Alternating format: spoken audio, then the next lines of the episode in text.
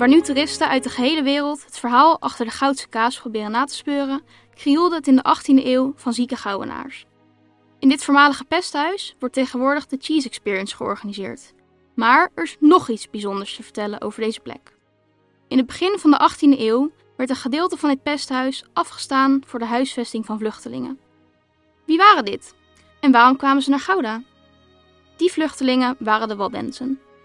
Waldensen waren aanhangers van een 12e eeuwse Franse christelijke armoedebeweging, die vervolgd werden door het katholieke gezag. Om te ontkomen aan de vervolging in hun woonplaats in Piemonte, weken ze uit naar buurlanden, zoals Zwitserland. De grote aantallen vluchtelingen vormden echter een zware last voor Zwitserland. Waar moest men de vluchtende Waldenzen kwijt? Zoekend keken de Zwitserse autoriteiten om zich heen, totdat ze gunstige geluiden hoorden uit de vrijzinnige Nederlandse Republiek.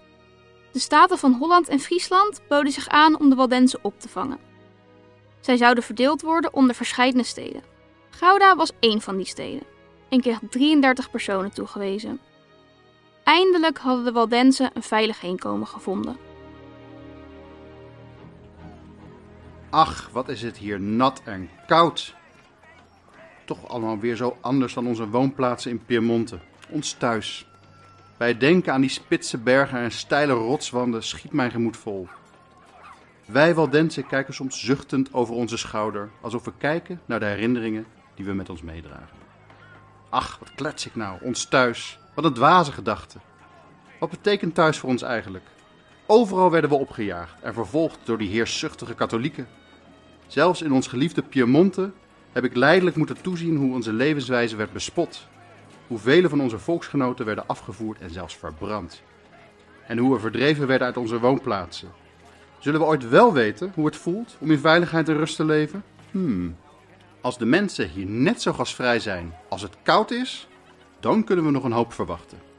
Ondanks de vreemdigheden moeten we het hier gewoon naar ons zin maken.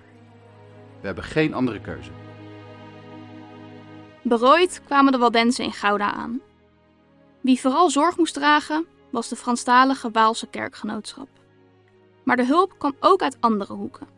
Veel Gouwenaren besloten de handen uit de mouwen te steken. Handwerkslieden en winkeliers droegen bij aan het gereedmaken van het pesthuis en zorgden voor huisraad en voedsel. En de kosten dan? Die namen de Waalse kerkgenootschap, de stadsraad en de winkeliers zelf op zich. Waren daarmee alle problemen verdwenen? Helaas niet. Uit brieven blijkt dat de Waldensen dikwijls in erbarmelijke omstandigheden leefden. Menig Waldens was niet in staat om voor zijn vrouw en kinderen te zorgen. Waldensen bleken dus maar moeizaam uit hun armoede te ontsnappen. Wie voor een dubbeltje geboren is, wordt dus nooit een kwartje? Dat hoeft niet. Want uiteindelijk wisten de meeste Waldensen hun weg te vinden in de Goudse maatschappij. Dat hun kinderen al vroeg werden onderwezen in de Nederlandse taal hielp zeker. En ouderen volgden opleidingen bij handwerkslieden. Na een paar generaties waren ze haast niet meer te onderscheiden van andere Gouwenaren.